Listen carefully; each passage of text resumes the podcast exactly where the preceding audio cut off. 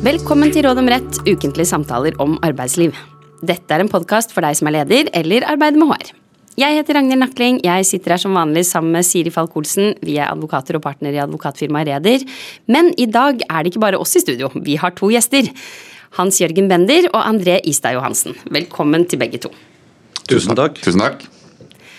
Dere er partnere og advokater i advokatfirmaet Selmer. Og Hans Jørgen, du har jo også nettopp tiltrådt som managing partner i firmaet. Sjefen over alle sjefer. Begge har jobbet med arbeidsrett i mange år. Og som dere som hører på oss ofte vet, eh, vi er jo innom mange temaer på arbeidsrett. Man går jo på ingen måte tom. Men Hans Jørgen og André de er invitert for å snakke litt mer om noe som kan berøre mange ledere og HR-ansatte, men som vi foreløpig ikke har snakket om så mye her i podkasten, nemlig transaksjoner og hvordan man skal håndtere arbeidsrettslige problemstillinger som oppstår i den forbindelse. Dere som hører på har jo veldig ulik bakgrunn. Og når dere hører ordet transaksjon, så er det kanskje mange ulike ting dere tenker på. Temaet vårt her i dag når det gjelder ansatte i transaksjoner, det er jo ikke den enkleste typen transaksjon hvor man kjøper en vare for x antall kroner, men et aksjekjøp, eh, en fusjon, eh, virksomhetsoverdragelse med en del av en virksomhet eller lignende. Så pleier vi å ha en case for å ha en litt illustrerende inngang til eh, problemstillingen vi skal snakke om, sånn at det er litt lettere å linke det opp mot noe. Og i dag så ser vi for oss at Hans Jørgen, du har hatt tre gode år som MP.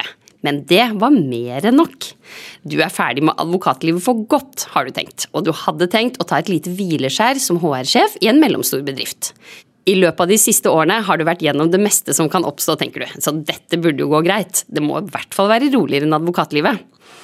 Det tar jo ikke så lang tid før du finner ut at det var helt feil. Daglig leder står på døra en dag og orienterer om at nå blir dere sannsynligvis kjøpt opp av hovedkonkurrenten deres, og han stoler på at du ivaretar både lovkrav og sørger for en god håndtering av ansatte i denne prosessen. Nå blir det litt mye, tenker du. Men heldigvis, André han er still going strong som advokat. Du kan ringe han, og det begynner du med. De mer konkrete rådene hans de får vi nok høre om senere i episoden, men hvis du skal begynne, Hans Jørgen, så kanskje du kan starte med å si litt om hva ulike typer transaksjoner har til felles, og hvordan bakgrunnen for en transaksjon har betydning for hvordan ansatte skal håndteres i prosessen. Ja, takk for det, Ragnhild. Transaksjoner eh, har jo stort sett det til felles at de berører ansatte på en eller annen måte. Eh, de fleste virksomheter som kjøpes og selges i Norge, er jo eh, virksomheter med ansatte.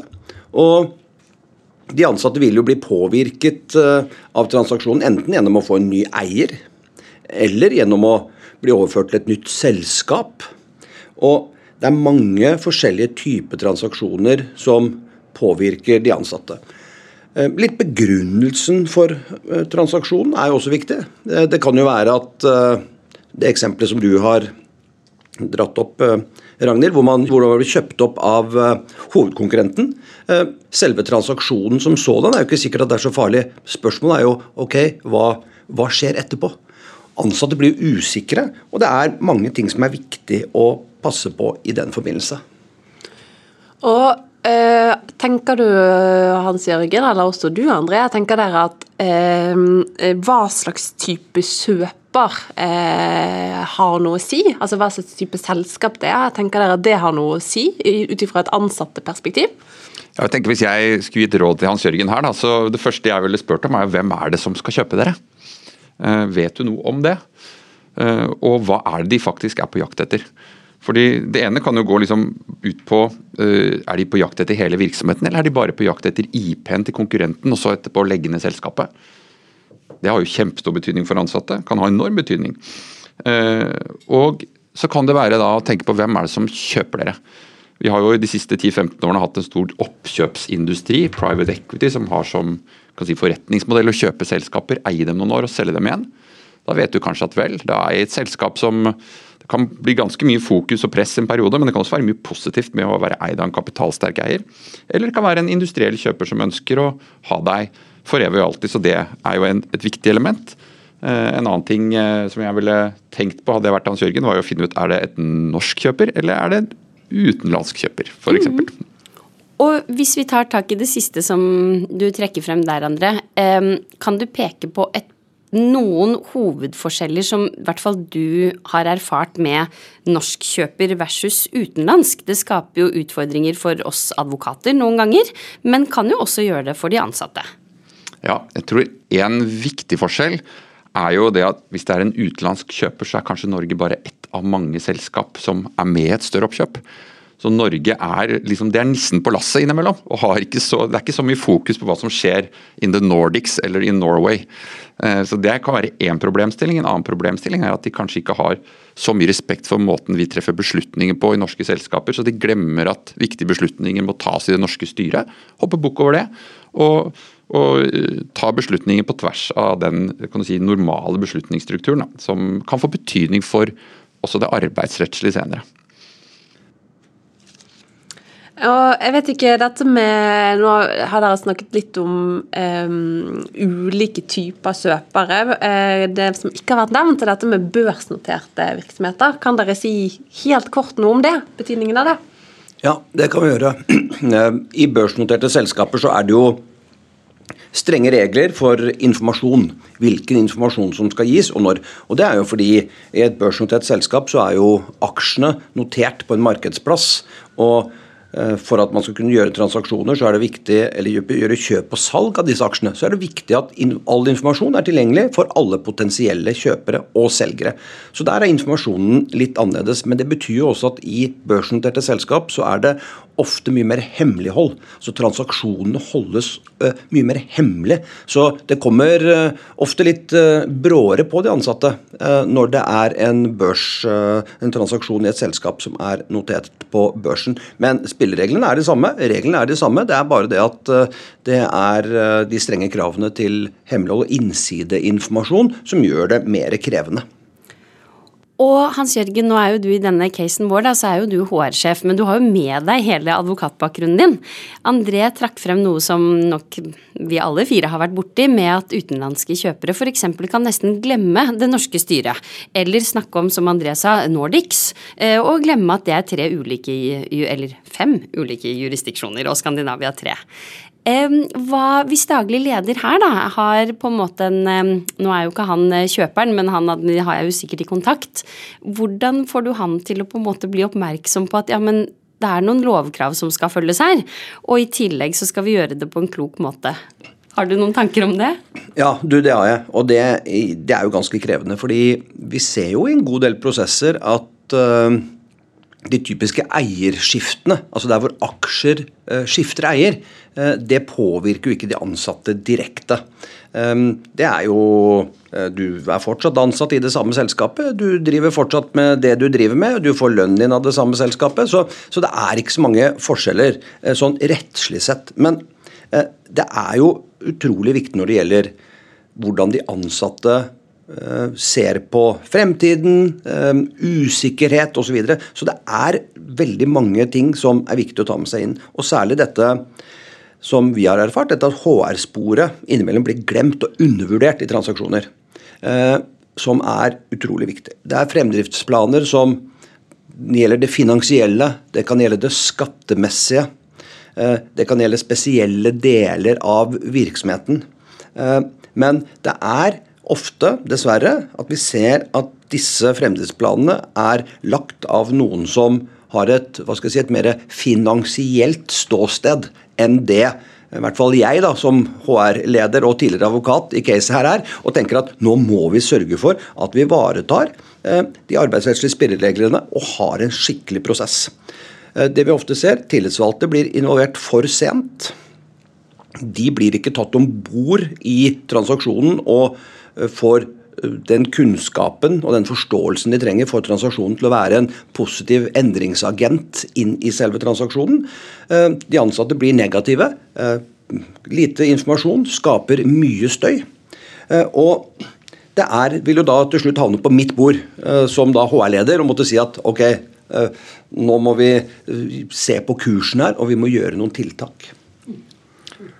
Men eh, som rådgiver da, så vil jeg jo si til Hans Jørgen at eh, det er viktig for deg eh, å få frem eh, budskapet både til daglig leder og også til den nye kjøperen. Hva er verdien av det du kjøper? For det vi jo ser, er at fokuset på ansatte i transaksjoner faktisk har blitt styrket de senere årene. og det er jo fordi Særlig hvis du kjøper en virksomhet i Norge, så er jo mye av verdien av det du kjøper, det er jo oftere oftere knyttet til den kan si, know-howen, eller det vi så fint kan kalle strukturkapitalen, som ligger oppi hodet til de ansatte. Og Det har jo mange kjøpere forstått viktigheten av, og derfor viktigheten av å sørge for at de ansatte er om bord helt fra starten og sende et signal om at vi vil dere vel. Mm. Og Her kan vi jo også se litt kulturelle forskjeller igjen uh, på ulike typer kjøpere. Så De som har skjønt dette og, og får med seg dette poenget, de klarer også å ta vare på de verdiene som ligger i den strukturkapitalen, som jeg tror er viktigere og viktigere. Mm. Og jeg skal bare si en ting er at eh, Hans Jørgen skal jo også være i denne virksomheten etter at transaksjonen er gjennomført. For det er jo noe vi som advokater ikke får ja, enten gleden eller vanskelighetene med. Eh, vår jobb er over når på en måte den er gjennomført. Så kommer de kanskje tilbake med noen eh, ting man må bistå med. Men eh, der vil jo Hans Jørgen ha veldig, ja, et insentiv da, til å gjøre det bra. Ja, og jeg syns det er veldig interessant eh, det dere tar opp her, eller det du sier, André, om at, at dere ser en Dere som jobber mye med transaksjoner, at dere har sett en, en viss endring de siste årene. En større kanskje grad av bevissthet rundt verdien av hva man kjøper, og at de ansatte der er viktige. En praktisk problemstilling som man har vært så vidt inne på her, er jo dette med, og som for så vidt har vært tema i en tidligere eh, episode, dette med informasjon og drøftelsesplikten og krav i arbeidsmiljøloven om så tidlig som mulig. Kan noen av dere si noe konkret om hvordan, hvordan løser man det i eh, denne type transaksjoner? For det som dere har snakket litt om, ofte en viss motvilje, kanskje, mot å, å, ta opp denne type planer internt gjennom informasjon og drøfting, samtidig som loven gir anvisning på det. Hva vil dere kunne si om rådet? Jeg kan jo begynne litt. Jeg tenker Det første som er viktig å ha øye for, er jo det grunnleggende skillet mellom et, en transaksjon som er et eierskifte, og hvor eh, den ansatte eller de ansatte gjennom transaksjonen får en ny arbeidsgiver. Ved et eierskifte så er det sånn at rettslig sett så er det i utgangspunktet ingen informasjon og drøftingsplikt for selskapet. Det at aksjer bytter eier, ja det skjer jo hele tiden på Oslo Børs. Det kan ikke ha drøftinger og informasjon hver gang det skjer, f.eks. eksempel. samtidig så kan jo det ha praktisk veldig stor betydning for de ansatte. Hvis du går fra å være eid av en familie, en norsk virksomhet til et stort internasjonalt konsern. Så Det er jo greit å ta med seg at og der tenker vi ofte at ja, vel, vel, selv om det bare skjer et eierskifte, så er det jo viktig for både ledelsen i selskapet og uh, kjøper og selger å tenke på kan vi allikevel gi mer informasjon. Bør vi allikevel sørge for at de ansatte får nok informasjon til de føler, så at de føler seg trygge i den, i den delen av det. Så, så tidlig som mulig prøver vi egentlig å predike også i de situasjonene. Uh, selv om det bare er aksjer som skifter eier. Men der er det jo selvfølgelig en side til disse børstransaksjonene. Ja. Eh, men hvis vi ser på disse virksomhetsoverdragelsestilfellene, da, der hvor det enten skjer en eh, outsourcing, det kan skje en fusjon, det kan skje en fisjon, salg av en del av en virksomhet, så um, er jo Poenget er jo at de tillitsvalgte, altså ansatterepresentantene, skal ha muligheten til å påvirke uh, utfallet. Og jeg syns det er ganske vanskelig å si akkurat hva er så tidlig som mulig. fordi hvis du starter for tidlig med dette, hvor du ikke har en ordentlig plan, du har ikke en struktur, du vet ikke helt hva som skal skje, så kaller du da de tillitsvalgte inn til, en, eh, til drøftinger, og så sitter de Jo, men hva i all verden er det vi skal drøfte nå? Vi, dere vet jo ingenting, vi vet ingenting. Så det blir en litt sånn hypotetisk eh, drøfting. Ja, hvis og matte, dersom matte. Så du må egentlig ha mye mer du må ha litt mer fast fisk, men den kan ikke være så fast at uh, det er kalt inn til uh, styremøte, og du vet liksom, hvordan dette går. Det er, jo, det er, jo, det vi dessverre noen ganger ser, at det er for tidlig. Og vi møter argumenter med jo, men det er konfidensielt, og da, svaret vårt er det jo, men tillitsvalgte har taushetsplikt, og du kan til og med inngå egne taushetspliktsavtaler med dem. Uh, og um, jeg har vet jo, Man vet jo aldri hvor en lekkasje stammer fra, men det er klart de tillitsvalgte har ingen insentiver egentlig til å lekke ut denne type informasjon. Eh, stort sett aldri. De har jo ikke noen økonomisk interesse av dette. Det er arbeidsplassen deres, og de er glad i den. Så de tillitsvalgte er, et, i hvert fall etter min oppfatning, flinke til å holde på taushetsplikten sin, og flinke til å håndtere dette godt.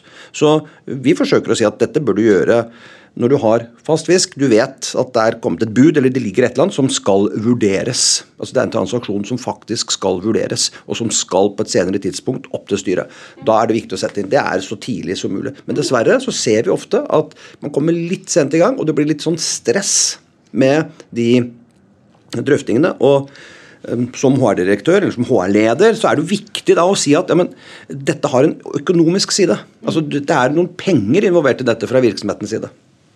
Og Et praktisk råd der er jo til Hans Jørgen da, i den situasjonen, ikke bare ha ett drøftingsmøte. For det, det er ofte sånn for ja, når kan vi ha drøftingsmøte?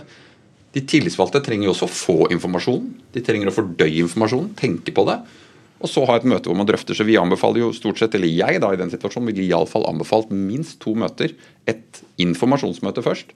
La det gå noen dager, og så ha drøftingsmøte. Og kanskje ha et tredje backup-møte litt lenger ut i prosessen. Ja, Veldig, veldig nyttig, og jeg tenker at det spørsmålet bl.a. om sant, så tidlig som mulig, det er jo litt sånn hvor lang er en strikk? Men samtidig så syns jeg at lytterne fikk veldig konkrete eh, tips om dette.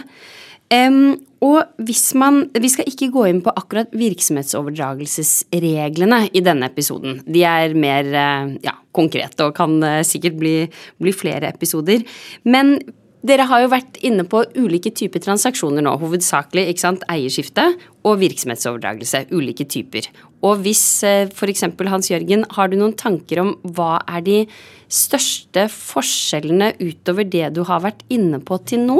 Hva er det HR-direktøren kommer til å jobbe mest med, f.eks., tror du? Er det siste, siste type prosess? Jeg tror at uh jeg tror det er veldig vanskelig å svare på. og Grunnen til at det er vanskelig å svare på, er at eh, hvis du har en virksomhetsoverdragelse, så har HR-direktøren og HR-lederen en del arbeidsoppgaver i forbindelse med transaksjonen. Så det er et helt regelsett, kapittel 16 i arbeidsmiljøloven, regler som skal følges. Eh, eh, men en aksjetransaksjon skjer ikke i et vakuum. Det gjør heller ikke en virksomhetsoverdragelse. Så det er jo de etterfølgende øvelsene som skal gjøres på selskapsnivå, som er de som blir eh, krevende, og der du må gjøre en jobb. Ehm, hvis man gjør en eh, virksomhetsoverdragelse inn i en annen virksomhet, så er det jo svært sjelden at du kan videreføre virksomheten med det samme antall ansatte. Ofte gjør man en eh, omorganisering eh, eller en nedbemanning, man gjør en justering av de ansatte. Det samme er det ved en aksjetransaksjon. Altså Hvis man kjøper et selskap, legger det inn som et datterselskap. Da kan det komme en etterfølgende eh, fusjon. Du slår selskapene sammen. Eh, da blir det en virksomhetsoverdragelse, og så blir det den samme omorganiseringen og nedbemanningen etterpå. Så jeg tror at det er veldig situasjonsavhengig hvordan dette, eh, hva som skjer. Og det er vanskelig å eh, tegne opp et klart bilde av når det blir mest å gjøre. Men det er stort sett alltid etter transaksjonen. Den jobben fra HR-siden blir tyngst, fordi da fordi det er da alle disse Du skal slå sammen to kulturer, du skal få to typer virksomheter til å fungere sammen. Du skal sørge for at de ikke overlapper arbeidsoppgaver. Du skal ta ut synergier, som det så fint heter, som er bare et annet ord for nedbemanning. Eh, sørge for å spare penger, ikke sant. Og så skal du øke lønnsomheten til virksomheten. Så alt da, da blir begynnerjobben. Og der er jo du inne på noe som, som, ofte kan være en sånn utfordring i denne type prosesser. Fordi at de tingene du tar opp der, er jo nettopp de tingene som de ansatte ofte er bekymret for.